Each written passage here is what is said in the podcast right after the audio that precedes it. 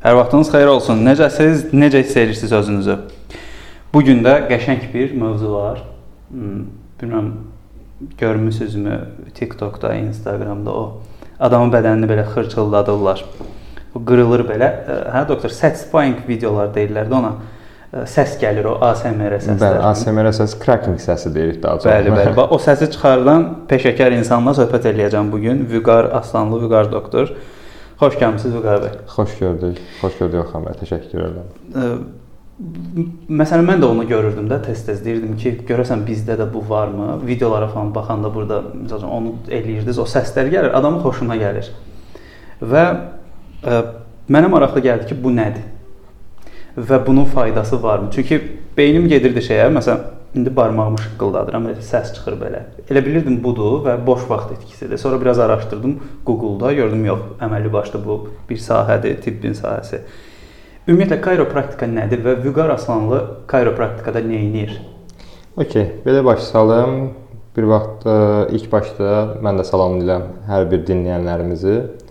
İkinci olaraq Kairopraktika Ümumi Dünya Səhiyyə Təşkilatının verdiyi məlumata əsasən dayaq hərəkət, sinir sistemi problemlərinin diaqnozu və qarşısının alternativ bir tibb sahəsidir. Yəni dislokasiya, qırıq-çıxıq olmadan oynaqlara edilən əllə manipulyasiya metodudur. Qəşəng. Yəni əllə manipulyasiya metodu dediyimizdə əllə düzəltmə metodu deyək buna. Və bunu bir şeylə qarışdıra bilərlər, sınıqçı.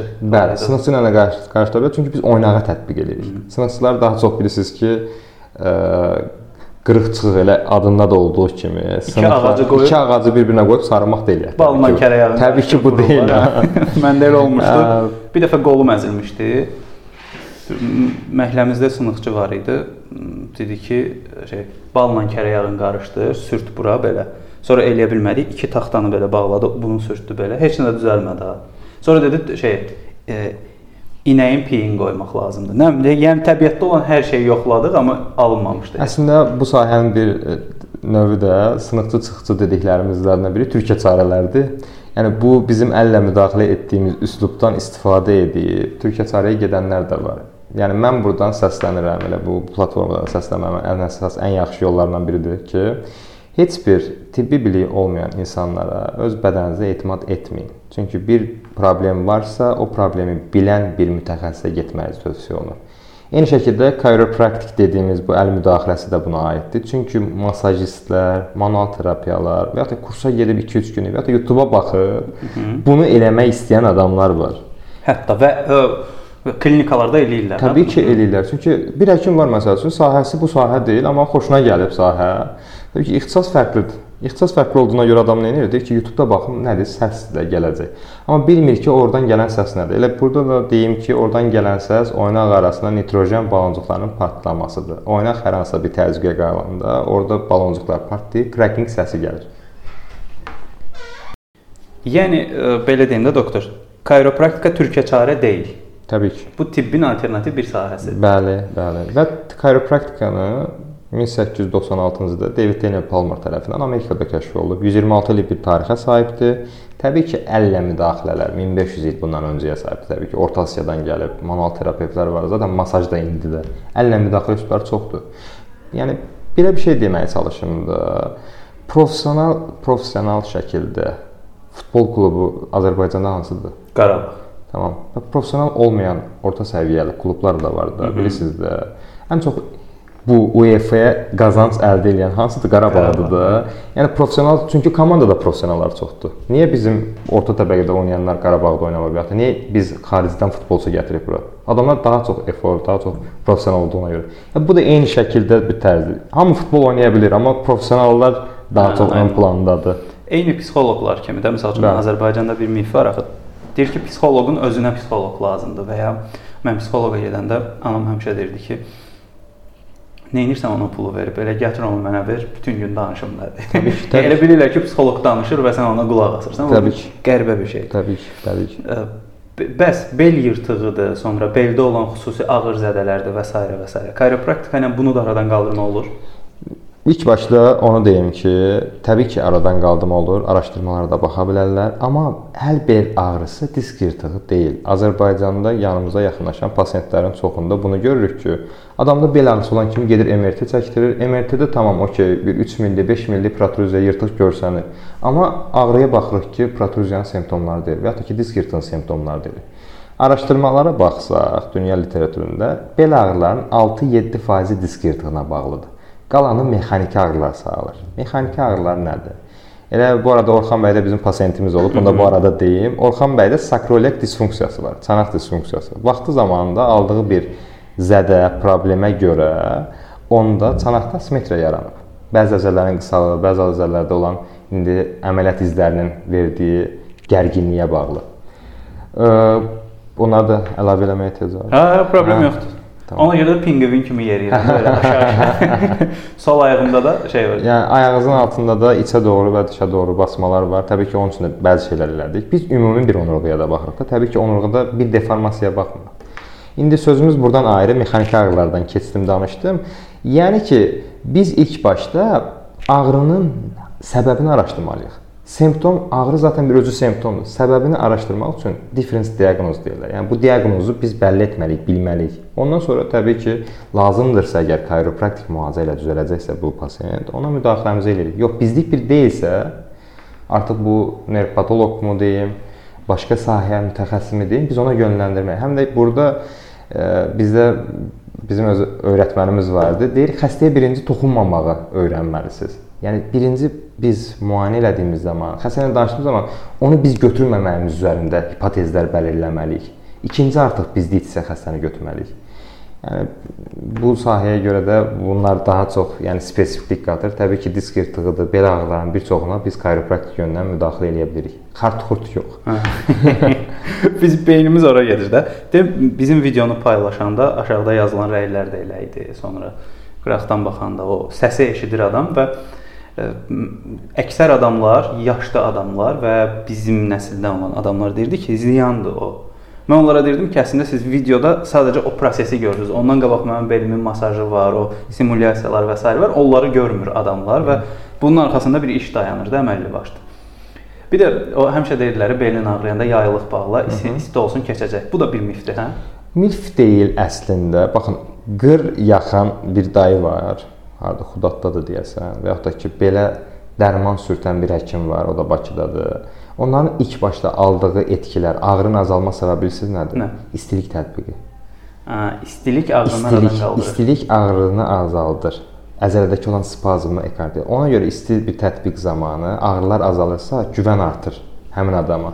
Və o başlayır, "Ah, Xudaddakı dayıya getdim. Yeriyə bilmirdim, amma çıxanda biraz qapıdan çıxa bildim, özüm qalxa bildim." O o saat orada bir əzəldəki spazmı reliz elədiyinə görə, rahatladığına görə adama güvən. Amma tam çarədirmi? Yox. Mən yürüyüş eləyəndə ağrıyırdı belim. Eləyirdim, eləyirdim. 20 dəqiqədən sonra ağrı kəsirdi. E davam eləyirdim.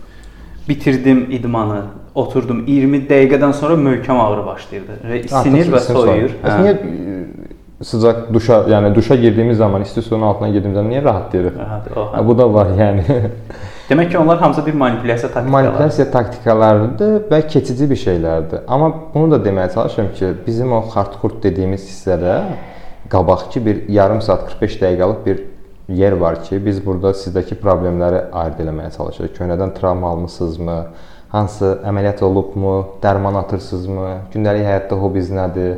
Adam aktivitetəsinə bağlı gündəlik bir mini mikro travmalar yaşaya bilər təbii ki. O sonradan makro travmaya çevirə bilər. Hı. Nə vaxt başlayıb ağrı, hansı türdə bir ağrıdır, bizlik olub olmadı, travma alıbmı, bunları bilməliyik. Sonra keçirik fiziki yoxlanışa. Fiziki yoxlanışda da əgər bir fiziki olaraq sizdə əzələdə bir spazmı deyim, fəqərədə hansısa bir asimetriyamı deyim, gərginlikmi deyim, hansısa bir hərəkət məhdudiyyətimi deyim. Bunlar da varsa, bizim artıq fikrimiz formalaşır. Sizə müalicə tətbiq eləyə bilərikmi, yoxsa yox? Və chiropraktik müalicənin tətbiqindən öncə fizioterapevtik yanaşmalar eləyirik. Bunun da səbəbi var Orxan bəy. Yəni arxasında əməlli başlı iş var. Çox da, iş hə? var, çünki onurğa tək bir seqmentə bağlı deyil. Onurğada functional spine unit var. Yəni onurğanın hərəkətli şöbəsi var. Onurğanın hərəkətli şöbəsini təmin edən, indi burdan deyəcəm gözün qabağına gətirin. İki fəqərə, o fəqərə arasında disk, o fəqərləri bağlayan bağlar və onların ətrafındakı əzələlər mövcud. Tamam, mən əlimdən oradakı oynağa bir tətbiq elədim. Bəs burdakı əzələ var, disk sinir. Burdakı onlar nə olacaq? Deməli yanaşma bütöv bir yanaşma olmalıdır. Bizdən çıxan bir varsa əgər məsəl üçün biz müalicə elədiyimiz zaman nevropatoloqun da dəstəyi lazımdır burada. O da öz dərman preparatları ilə bu işdə olmalıdır. Çünki sinir sistemlərinə çox nevroloji uzmanı baxır. Biz artıq kas skelet sisteminə baxırıq və ən işdə bərpa reabilitasiya. Əzələmizdəki olan gücsüzlüyü aradan qaldırmaq üçün bərpa. Reabilitasiyanın özü nə demək? Bərpa deməkdir. Yəni hərəkətsiz bir işini icra edə bilməyən bir əzələ qrupunu və ya ki, bir oynaq strukturunun bərpasını təmin etmək. Doktor, bəs bu olmayanda nə ilə məşğul idi? Necə bunu necə həll edirdilər? Bu ağrıları necə götürürdülər? Təbii ki, bu problemlərin qarşısını alacaq bir çox mütəxəssis var. Təbii ki, nevropatoloqlar, neyrocərrahlar, alqoloqlar var indi, yeni başlayıb Azərbaycan amma dünyada çox idi. Osteopatlar var. Mənə bilirsiniz nə yazmışdılar? Diklofenak. Diklofenak. Ağrıyanda diklofenak vurur. Bəli. Kəsirdi, bir də ağrıyırdı. Bir də deyirdi ömür boyu səndə qalacaq o şey. o ağrı həmişə olacaq səndə. Çünki hər biri zədə idi ya deyir ora əməliyyat müdaxiləsi olmalıdır, ya da ömür boyu səndə belə olacaq qəribə bir şeydir. Əslində bizim işimiz dərman preparatlarını həyatımızdan uzaqlaşdırmaqdır. Yəni chiropraktikanın, fizioterapiyanın amacı odur. Zaten biz işimizdə dərman preparatından heç istifadə eləmirik. Bizim işimiz pasientlərimizə dərmansız bir həyatı sövq eləməkdir. Burada vitaminlər dərman sayılmır. D vitamini, kalsium, maqnezium atın deyirik, amma bunları siz təminatına eləməlisiniz. Zaten bədəniniz onu yemək, qidadan alır. Daha da artırın. Su için deyirik pasientlərə, egzərsiz edin deyirik. Yəni bizim işimiz dərmandan uzaqlaşdırmaqdır. O diklofenakla sizi bu vəziyyətə gətirəcəklər, gətirəcəklər, gətirəcəklər. İnanın Orxan bəy 50 yaşına gələndə bir böyürlü gəzəcəkdi istəməz. o qədər keyif ki, artıq sənət da bir-birinə struktur olaraq bir-birinə eyni deyil. Bəs ə, e, haterlarınız var, yəni Azərbaycanda ki, boş şeydir, səhvdir, alladırlar adamları deyən adamlar var. Təbii ki, çoxdur. Bu sahəni ə, e, biri var idi yorum yazmışdı ki, siz savadsızsınız, sizin kimi pasientlər belə-belə falan. Mən dedim ki, tanımıram qardaşı. Yazdım ki, sizi mən tanımıram. E, mənim pasientim mi gəlib sizin yanınıza? Dedi ki, yox. Dedim, bəs mənim savadıma bələdsinizmi? Dedi ki, yox. Dedim, onda belə bir şey eləyək. Siz sabah gəlin Zəhra klinikasına, mən MRT açım və ya da ki, bir rentgen açım. Bunun haqqında siz mənə bilgi öyrətim və ya da ki, burdakı olanların hamısını mən öyrətməyə çalışım. Görüm siz düz deyilsiniz ya yox. Adam yəni o yazdığı kommentə görə sonradan məndən üzr istədi ki, üzrü sayın sildi. Hisslərimə qapılıb hə, yazdım. Hisslərimə qapılıb yazıldım, amma belə bir şey deməyə çalışım. Onu deyən də çoxdur. Çünki belə bir şey var. Bizim elədiyimiz strukturda işi bənzətmələrlə bir adam məsəl üçün mənim işimi görür, deyir ki, "A, bunu o da eləyirdi. Bunun mən faydasını görmədim." Amma yaxşı onda belə bir şey deyim sizə. Diş həkimləri də diş çəkəndə eyni cür çəkirsə, hansı bir həkim ikisini də necə eşləşdirə bilərsən ki, diş həkiminin də əlində kəlbətin var və hər bir dişi çəkir. Amma diş həkimi çəkən həkim fərqlidir. Eynən. Yəni indi bu işi görən hamısı eynimi görür və yaxud da ki, bu işi görənlərin hamısı keyfiyyətsizmi görür? Futbol məsələsi də. Futbol məsələsində ki, bir açıq söhbət. Yəni onu deməyə çalışıram ki, bənzətmə olmamalıdır və düzdür ki, düz deyirlər. Çünki masajistlər artıq bunu görüb Təbii ki, ad, addan istifadə edə bilmirlər. Chiropraktik adını hələ ki qoruyub saxlaya bilmişik. Manual terapiya ilə, manual terapiya ilə mütəxəssis eləməlidir. Osteopatın da mütəxəssis eləməlidir. Yəni hamısı ayrı-ayrı sahədir. Mən osteopat ola bilmərəm. Osteopat Hətta mən bir masajist xanım tanıyırdım, izləyicim idi. O deyirdi ki, mən də belə şeylər edirəm. Yəni adam elə bilir ki, yəni özüm belə elə etdirdiyim zaman masaj mənə də eləyiblər bunu. Birində ayağım yəni az qalsın çıxırdı. Yəni o o şəkildə eləyirlər. Yəni ola bilər ki, rahat təsir eləyə bilər, endorfin salada bilər, amma travmanız varsa, problemli yanaşmısınızsa bu işə, o problemi bilməmiş bunu elətdirməyin. Mən demirəm ki, gəlin mən hər şeyi düzəldəcəm, amma sizə çağırış edirəm ki, yəni bunları bilməyən, işini bilməyən adamın yanına getməyin. Yəni adamlar belə seçim eləyəndə marka seçimi eləməyə çalışırlar. Niyə hamı Mercedes arzusundadır ki, 07 arzusunda deyil? Təbii ki, 07 arzusunda da var. Marka, çünki güvənilirliyi var. Adamlar kaliteli iş görür. Ona görə xahiş edirəm, araşdırma eləyin.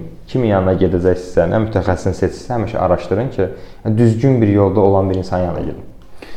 Doktor, son olaraq kayropraktikanın bir insana verə biləcəyi 3 şey desəz nə olar o?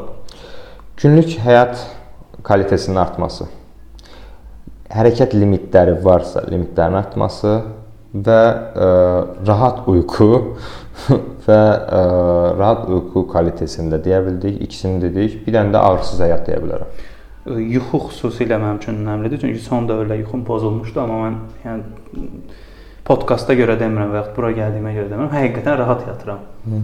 Ağrısız yatıram mən və məndə yatağım belə sağ tərəfə meylli idi. Çünki sola gedəndə ağrı yaranırdı. Sağa belə dayananda yatırdım. Hə. Yataq belə idi. İndi ə, rahatlamışam və rahat oluram. Rahatlaşa rahatlaşa da gedirəm.